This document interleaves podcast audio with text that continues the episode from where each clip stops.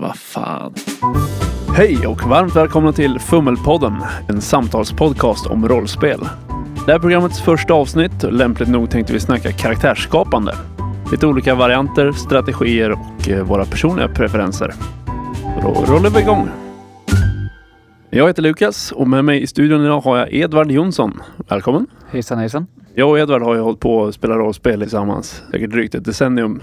Så vi får försöka vårt bästa att det här inte blir överdrivet internt. Men eh, karaktärsskapande. Nästan alla rollspel börjar ju med någon form av karaktärsskapande. Man måste få fram karaktärer, få ihop en grupp innan man kan ge sig ut och hitta på vad det är nu man ska göra. Vad har du för eh, strategi när du ska få fram en karaktär? Jag tycker om att inte vara allt för låst i vart jag ska sluta. Vad det faktiskt blir för karaktär jag ska spela. Utan jag gillar att ha ett väldigt svagt koncept till att börja med. Kan vara någonting man har sett på någon film eller liknande. Liksom en karaktär man har tyckt om. Right. Bara tänka det som en profil mer eller mindre. Och sen eh, börja från början igen. Kan till och med gå tillbaka till barndom och liksom sakta men säkert väva samman händelser som jag tycker är intressanta som kan leda fram till en person i den stilen. Okej. Så ofta på grund av att jag hittar intressanta små detaljer på vägen så kanske man glider längre och längre ifrån originalkonceptet. Så då känns ofta karaktären mindre stulen i slutändan. Också Okej. något mer eget skapat. Du börjar med någon form av koncept med en mer eller mindre färdig karaktär som du lånar in. Ja, och sen, Och sen glider man, bygga på ja, den. man glider längre och längre ifrån den vanligtvis. Ja, du börjar liksom i barndomen då och bygger på. Ja, ofta. Den senaste karaktären jag spelat länge så var det en illustration bara jag hade sett. Eller en illustration jag själv ritade som jag tyckte om. Och så tänkte jag, vem kan den här personen vara? Och sen hoppade man tillbaka till barndomen igen. Och då var det en stor sekvens av tre barndomsvänner som fick styra hela karaktären. Liksom. Men som du säger, det måste ju kunna sluta med Något helt annat. något helt annat. Ja, men det är ofta en roligare karaktär för att man har köttat ut den så pass mycket då i slutändan. Så att eh, man känner karaktären betydligt bättre i, när man väl börjar spela den.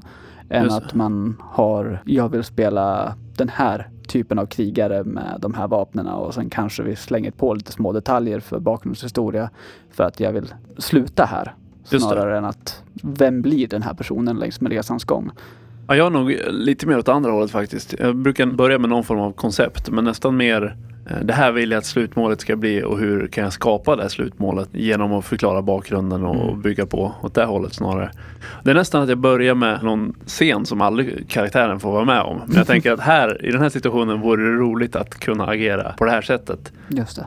Men hur uppstår en person som reagerar så i den situationen? Alltså får man Mm. gå tillbaka och bygga på det. Men, jag, men det där är lite min SL-stil också. Spelarna ska hit Mm. och, eh, och så kör man på. Jag, jag har försökt den metoden några gånger. Nackdelen jag känner med den är att det finns vissa val som man tvingas göra liksom i bakgrundshistorien för att nå dit man vill komma som kanske inte känns lika naturliga. Eller ja. inte lika, de blir lite krystade. För att man liksom, ja men det är ju det här jag vill att ska hända. När han var ung till exempel så kanske han inte har den erfarenheten han skulle behöva för att göra ett sånt val riktigt ännu där. ja, just det. Då kan det vara kul att han inte gjorde det där valet och sen ser man vart det tar vägen. Liksom. Du är nästan som att du rollspelar i ditt eget huvud när Ja. du skapar din egen karaktär också. Ja, just det. Men något som jag ofta återkommer till. Det är lätt att ha en idé i huvudet om att det här är en intressant karaktär. Men sen när man sätter sig och väl spelar den så når man aldrig riktigt dit. Och även om idén är intressant och även om det kanske i en helt annan situation skulle det kunna vara intressant så eh, i själva spelandet så missar man. Man träffar aldrig riktigt rätt där. Framförallt som ny så gör man karaktärer utan att egentligen reflektera kring kommer jag kunna spela den här Just det. karaktären? Klassiker är, ja, jag ska göra en mystisk karaktär som eh, håller sig mest för sig själv och inte litar på folk. Och i slutändan så har du inte gjort någonting på hela spelmötet för du har varit mystisk och ingen spelare tycker om dig för att din karaktär tänker bara på sig själv. Nej, precis. Man räknar med att folk kommer ställa de ledande frågorna och rota runt i din bakgrundshistoria. Om man förutsätter att någon annan ska göra någonting för att du ska lyckas bli nöjd med hur din karaktär upplevs så är det betydligt mer riskabelt. Men överlag tror jag man tjänar mycket på att tänka hur kommer jag interagera i själva spelandet med den här karaktären och hur uttrycker jag den här karaktären på ett tydligt Mm. sätt. Snarare än att tänka hur blir karaktären intressant? För att ofta är det genom agerande och interaktion som karaktären syns överhuvudtaget. För apati måste ju vara det tråkigaste man kan spela under längre tid eftersom man inte gör någonting. Ja, och eh, man inte har någon form av visuellt media att falla tillbaka på. Apatin är ju också väldigt synlig om man möter en person. Kan att personen vara. sitter liksom tyst. Medan i rollspelet måste ju allting visuellt liksom representeras i ord. Du kan ju ha viss form av ögonkontakt med andra spelare och utbyta miner och så vidare. Och det är ju bekvämlighetsnivå också. Vissa spelare tycker ganska illa om att eh, spela ut de fysiska handlingar och sånt där. Ja. Jag känner lite grann att vi kommer ifrån själva karaktärsskapandet. Skapandet, ja det är Kommer hur karaktärer beter sig. Men det ligger ju ändå någonting i det. Jag tror att som spelare ska man vara medveten lite grann om vad kan jag spela? Hur kommer jag spela den här karaktären och vad är rimligt? Det är klart det är intressant med komplexa karaktärer. Mm. Men gör man en karaktär för komplex då kommer man inte heller kunna spela den naturligt för att det blir en sån enorm tankeprocess. Ja, det blir en form av delay på alla handlingar för att du måste tänka igenom hur karaktären kommer att reagera. Man behöver inte nödvändigtvis spela sig själv heller men någon form av intuition att man har en tydlighet i karaktären. Att, snarare än att man sätter sig och tänker igenom i fem minuter vad är rimligt för den här karaktären att göra i den här situationen. Det, kan här med att utforska något helt okänt som inte alls är jag. För mig har det där nästan aldrig varit något som jag lockats av. tror det är svårt att eh, hålla i det under en längre period också. Jag kan tycka att sådana situationer är kul för ett eller två möten, liksom bara just för att se snabbt hur det gestaltar sig. Men att eh, under en längre kampanj innefatta sig i någonting som är så pass långt ifrån den egna referenspunkten. Det kanske vattnas ur referensgrunden också, desto längre ifrån. Och det, kan, det är risk att det blir stereotypt och ointressant av den anledningen. Du inte har något djup att ge karaktären. Av färre nyanser eftersom man inte behärskar det. Mm. Men det där är ju väldigt individuellt tror jag. Återigen, på något sätt skapa en karaktär som man själv tycker blir givande att spela. Hur tycker du det funkar att skapa karaktärer tillsammans? Eh, om man vill ha en gemensam bakgrund mellan två karaktärer eller eh, liknande. För det är ju också något som händer med jämna mellanrum att man vill inför en kampanj baka ihop några spelarnas relationer. Ja, verkliga världen är ju så mycket lättare där. För att där har du en relation med människan. Du har alla de här små detaljerna i den gemensamma bakgrunden. Det kan ju bli trevligt men det saknas oerhört mycket. Så det kräver nästan att folk har en väldig öppenhet för sin egen karaktär och en väldig improvisationsförmåga för gemensamma detaljer. För att Mm. karaktärerna borde ha så sjukt mycket mer gemensamt eftersom de är nyskapade. De finns ju inte. Ja. Kanske till och med ha en liknande relation till det som spelarna har. blir ju då känslomässiga spelramarna enklare att hantera. Det är sant. Men då blir det också man mindre, roll, ja, precis, mindre rollspelande. Men å andra sidan kan du ha väldigt olika karaktärer. Jag tror även någon form av viljekraft är en bra sådär grund att få med i karaktären. Även om du inte är den mest utåtriktade och drivna och engagerade. Så har du en karaktär som inte vill tillräckligt mycket. Eller inte vill någonting tillräckligt tydligt. Och ha någon form av handlingsförmåga. Ja, dels det, helt klart. Men även någon form av, för sin egen karaktär, arketypisk förhållningssätt eller beteende. Just Så att man alltid agerar i enlighet med någonting. när man håller på att skapa det med motivation. Sånt där. Det är ju lite riskabelt. För har man en känslomässig motivation till sina handlingar. Det funkar ju nästan i vilket scenario som helst. Om man har förlorat någon så vill man beskydda de som står en nära eller liknande. En sån motivation funkar i vilket scenario som helst. Absolut. Det är en större risk att ha en ambition som en motivation. Jag ska göra det här innan jag fyller 40. Eller något sånt. För då finns det en större risk att eh, den ambitionen skär sig med hur gruppen vill agera eller vad kampanjen driver mot. Precis, det kan funka jättebra om du spelar någon form av öppnare system eller en SL som improviserar mer och inte har lika tydlig kampanj eller äventyrsplan från början. Mm. Då kan det behövas någon som har ett driv och driver på. Men å andra sidan, om det är en karaktär vars stora drivkraft är vad vet jag, att köpa tillbaka sitt familjehem kan vara rätt svårt att samla fyra, fem andra karaktärer kring det målet och göra det intressant för alla.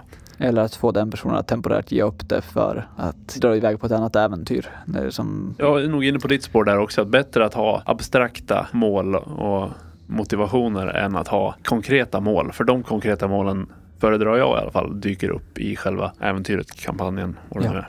precis. Och de eh, styrande sakerna inom en kampanj, det kan ju också vara saker där SL inför ett ett inledande av en kampanj säger att jag skulle vilja att din karaktär känner den här SLPn. Eller jag skulle vilja att eh, din karaktär har en förkärlek för värdefulla stenar eller något sånt där. Bara för att väva in en detalj som inte är spelarens drivkraft men SL tycker att det kommer passa Det blir en liten detalj mm, som då vävs in. Den, den föredrar jag nästan över de helt färdigskrivna. De helt färdigskrivna har ju en effektivitet som är svår att matcha. Du kan komma till ett möte, läsa in din karaktär och sätta igång. Och du kan ha väldigt mycket detaljer då, som hänger ihop.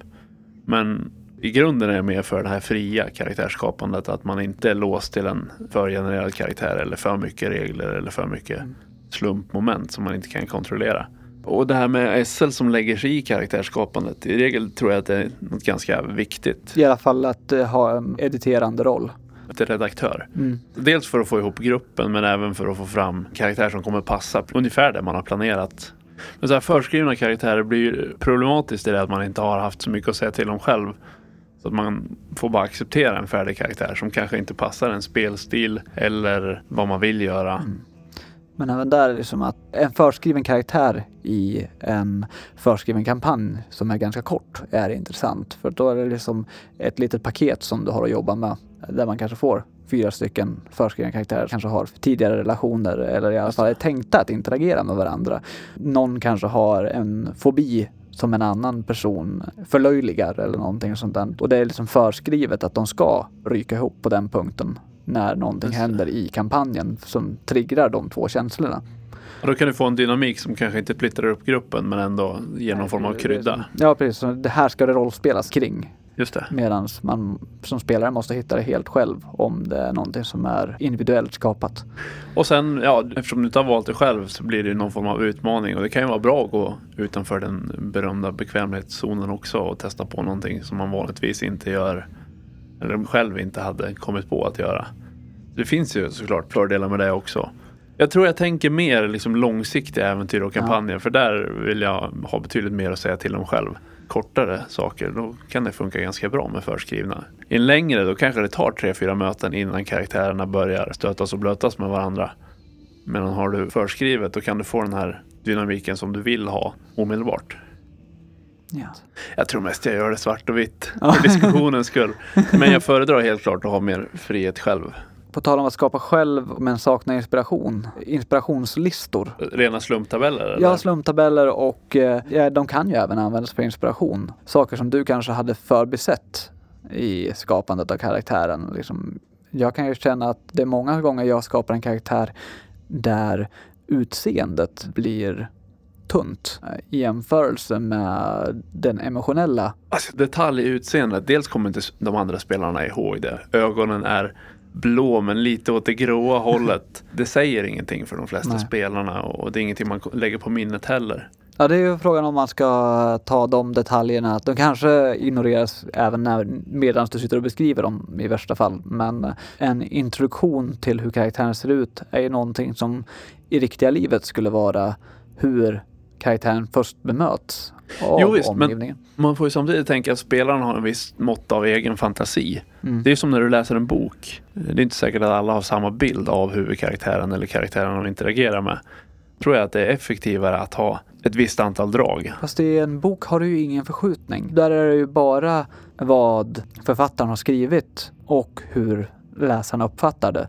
Uppdraget till att visualisera det ligger ju endast på dig som läsare.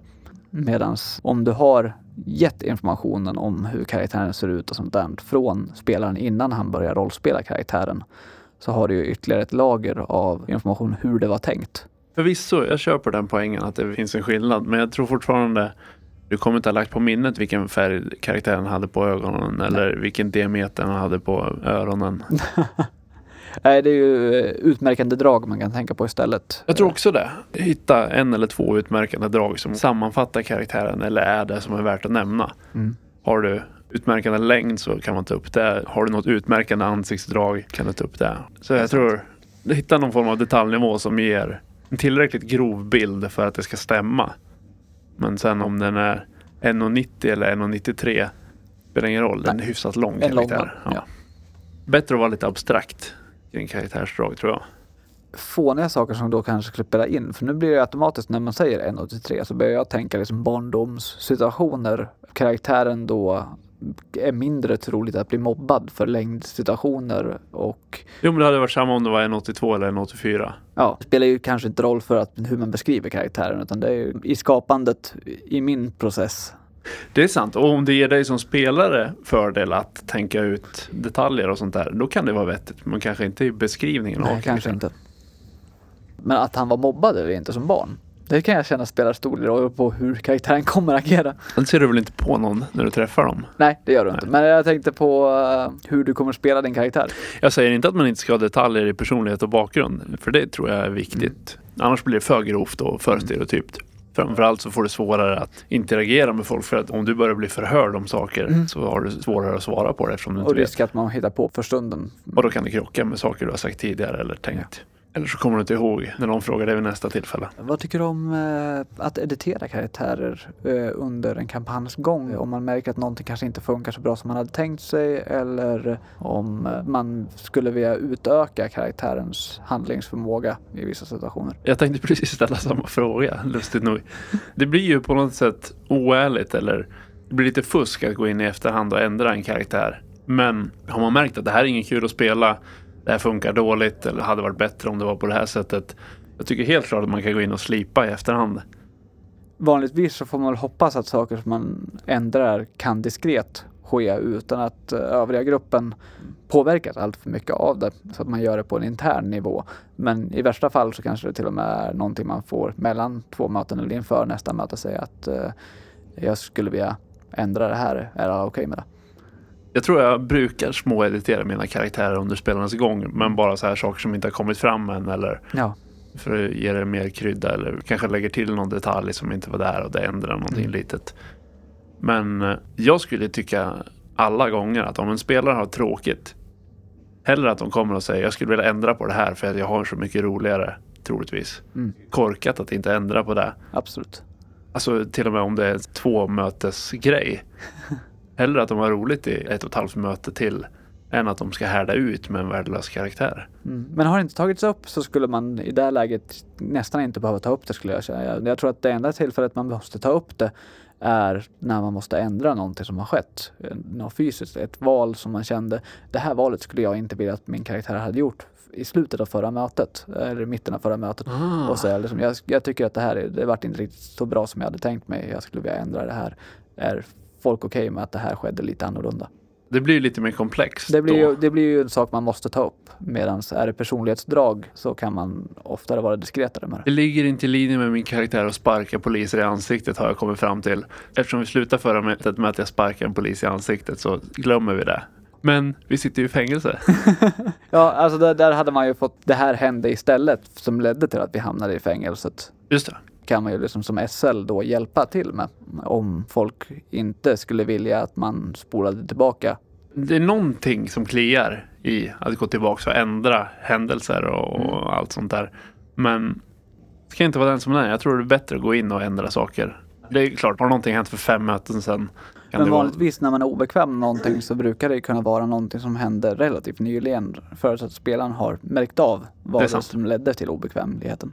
Och nu snackar vi ju inte om att nej men jag gillar inte det där valet jag gjorde för att det ledde inte till Ah. den eh, utgången som man Nej, ville det, ha av är- det är situationen. personlighet Precis. vi pratar om. Jag tror inte att min karaktär ska vara religiös fanatiker. Det kändes inte bra. Jag tänkte bara att han skulle vara lite småreligiös. Och sen i den här situationen så ballar det ur. Ja, Kan vi ändra det?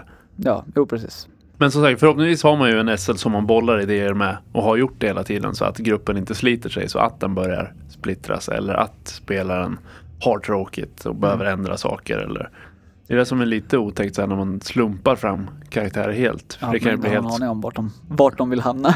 Det känns som mer klassiskt rollspel var det nästan standarden. I alla fall när jag började med Drakar och Demoner och sånt där. Man slog fram grundvärden. Ja, och se vad, vad det blev för någonting. Precis. Ja okej, men jag fick 17 i smidighet. Ja, då får jag väl göra en tjuv. Men det är ju den där detaljen också vad man vill ha ut av rollspelet. Mycket av det vi spelar är ju personliga interaktioner.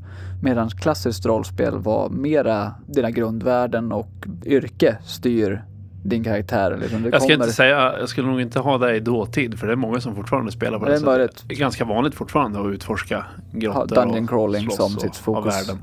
Ja. Det tror jag. För att det kan ju vara en sak att tänka över, liksom att vi har pratat ganska mycket om dialogerna Sant. och fokuserat betydligt mindre på karaktärsskapande ur fysiska attributer.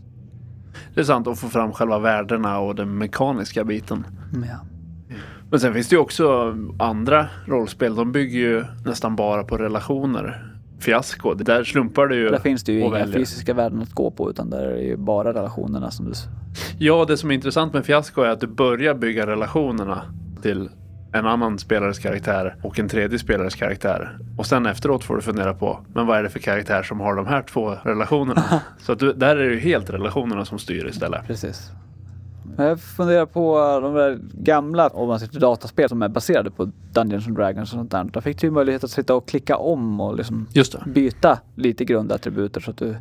Så Och det där beror nog väldigt mycket på spel och vilken Ja, SL man gruppen har haft. och husregler och- Yes. Där är någonting som jag faktiskt stör mig på om man ser om du ska slumpa fram alla grundvärden och grundvärdena avgör hur mycket färdighetspoäng du får och hur vettig din karaktär är och vad du kan spela för typ av karaktär. Då har du slumpen avgjort lite för mycket tycker jag. Mm. Men det är också så kul att se vad folk värderar i en karaktär. Eh, för jag funderade på uh, Dristurden, eller hur det nu ska uttalas i Ari Salvatores böcker. Yes.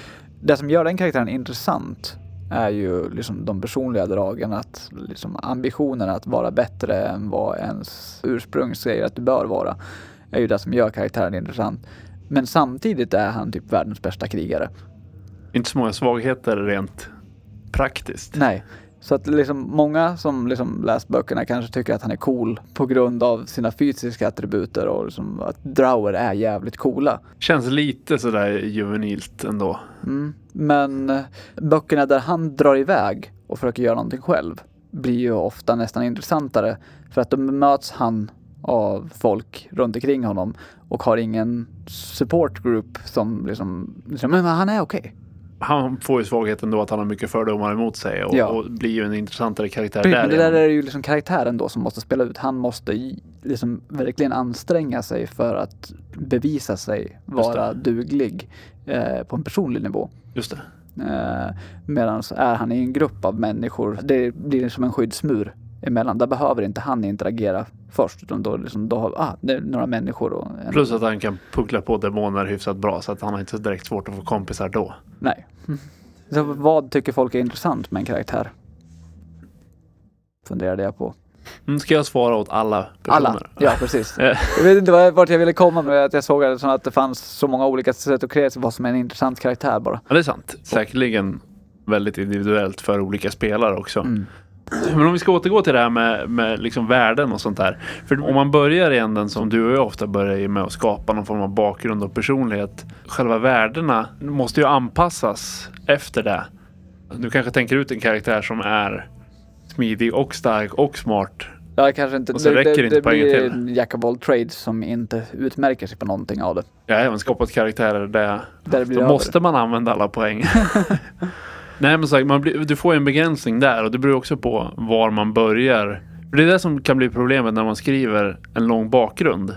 Mm. Att då förväntas det också att karaktären har varit med om ett visst antal saker, borde behärska Ja. vissa saker och sen kommer det in en Räcker- begränsning där. räcker inte erfarenhetspoängerna om man har satt en gemensam nivå där man bör börja. Nej precis, och då kan det ju kanske vara enklare att se, det här är karaktären, hur ska jag få ihop allting? För att har du ett regelsystem så blir ju det svårare att modifiera än en bakgrund som bara är påhittad Mm. utifrån inget särskilt. Då. Det är också någonting som SL brukar behöva säga innan kampanjen börjar att jag vill att ni ligger på ungefär den här erfarenhetsnivån. Det låter så väldigt elitistiskt när man pratar om att man ska ge så bra karaktärer hela tiden. Men- på sätt och vis, man tänker inte att man ska gå och misslyckas hela tiden. För då dör ju karaktären om det är den typen av rollspel. Men samtidigt så, så det finns ju mycket intressant med att spela karaktärer som inte alltid är så bra. Måste lösa problem på andra sätt. Det är ju en väldigt stor del. Om det är värdefokuserat, där du inte får skriva den här bakgrunden innan utan du börjar med nivå 1 eller vad det nu heter i just det rollspelet du Just det. spelar. Då f- blir ju bakgrunden, jag har just lämnat min by. Jag har just blivit utkastad från det regementet där jag försökte vara rekryt. Börjar du från noll så är det där du... Men det är risk att det blir en ganska tråkig karaktär. Fruktansvärt dåligt exempel på en icke-kompetent karaktär. Men Neo i Matrix, han börjar ju som absolut ingenting egentligen. Är ju en fruktansvärt tråkig karaktär. Men han har ju färdigheter som inte är anpassade för situationen där de kommer att spela. För han är ju världens bästa hacker. Typ. Nej, det är ju någon form av metaforisk datahacking hela filmerna handlar om. Men, Ja. men det är Just sant. att sitta vid ett tangentbord gör han aldrig. Om The Matrix handlar om en kille som satt och knackade kod hela tiden. då tror jag inte det hade varit riktigt en kultklassiker. Nej men det är sant. Men jag tror som sagt överlag att ha, ha en eh, menlös karaktär som precis gett sig ut. Det kan ju vara intressant i sig. Men det är svårt att få en djup karaktär om den inte har varit med om särskilt mycket. Sen vi som eh, spelare är ju överlag ganska tråkiga människor. Eftersom vi lever i en vanlig värld. Vi fattar så här, eh, sunda beslut. Leva dag till dag inte försätta oss i överdriven livsfara eller vara med om överdrivet tragiska saker. Det är ofta det som skapar intressanta karaktärer också. Ja. Eller i alla fall saker som man alltid måste gå tillbaka till. För det är ju i en bakgrundshistoria så finns det ju ett enkelt sätt att ha en traumatisk upplevelse som är den formativa händelsen i ens liv. Mm. Så en genväg att gå tillbaka till det beslutet. Men det återkopplar lite till det här vi var inne på med utseendebeskrivningar och så vidare. Att nästan hellre ha någonting som är väldigt tydligt än att ha massa, massa, massa små Ja. nyanser som till slut bara blir en grå massa av, Mm. Av inget som är anmärkningsvärt. Lättare att spela på, lättare för de andra att tolka än att gå in på så här små minutiösa detaljer som egentligen inte spelar någon roll. Mm. Jag funderar på förlusten när en karaktär dör i böcker eller i, rollspel. Det har hänt ett antal gånger att en karaktär har gått bort och man tyckte det var estetiskt nog. Så att det, liksom, det här är en bra send-off. Ja, jag är personligen mer den typen av spelstil som SL att jag avrättar bara karaktärer när Det det skulle ger passa. någonting. Om man som SL vill att spelarna ska lägga in mer energi i karaktären, skriva mer bakgrund, spela en tydligare karaktär, interagera mer med omgivningen och så vidare. Då kanske man inte ska ha koll på den karaktären genom ett tärningslag ett möte in. Sant. Jag tycker att det blir otacksamt och nästan irrationellt. Men det är ju också det där med ersättningskaraktärer när någon karaktär har gått bort. För Det är många tillfällen du är mitt uppe i ett äventyr. Då har du ju inte alls samma mån av frihet av vilken karaktär som kommer passa i den situationen. Det kanske finns tre SLPs som är någorlunda clean slates. Du kan välja en av de här tre och du får fylla ut den hur mycket du vill. Annars så måste jag vänta ett möte där det kommer ett läge där du kan få mera frihet. Ja, eller som vi spelar nu senast då, långt ut i vildmarken. Varför befinner den sig där och varför vill den vara en del av gruppen? Men det måste ju nästan vara en comic relief och övriga gruppen accepterar hur stor chans är att jag skulle dyka upp just här. Jo, visst. Det är liksom, man kan komma undan med det så länge alla är med på att det är jävligt otippat. Så länge alla rollspelare är lite sämre. Ja, för en stund. Just det. Men det är det där jag funderar på att spelar det någon roll efter tre möten? För mötet han kommer in, där kommer ju stämningen vara lite tryckt, lite annorlunda. Just det. Men två, tre möten senare har man glömt bort att karaktären kom in på det här sättet för att liksom det är hur han interagerar i dagsläget som spelar en större roll. Det är sant. Det kan ju vara lite som, vad vet jag, träffa en partner eller något sånt där. Har man gjort det på uh, Match.com, det kanske inte är världens mest romantiska historia. Men sen har man levt med den personen i 15 år så tror jag inte man tänker så ah shit jag önskar att jag träffat personen på något annat sätt. Så det kan jag väl köpa. Det är, det är så lätt att bli dramatisk kring det också och övertänka det. Det kanske inte är så allvarligt. Mm. I praktiken så kanske det inte spelar så stor roll. Nej. Bra slutnot där. Det spelar ingen roll. Nej men undrar, det kanske är så. För egentligen hela det här avsnittet är ganska pretentiöst. Men man ska hålla på och tänka ut bakgrunder och personligheter och alla ska klicka och det ska bli intressant att spela. Det ska vara logiskt, det ska vara djup.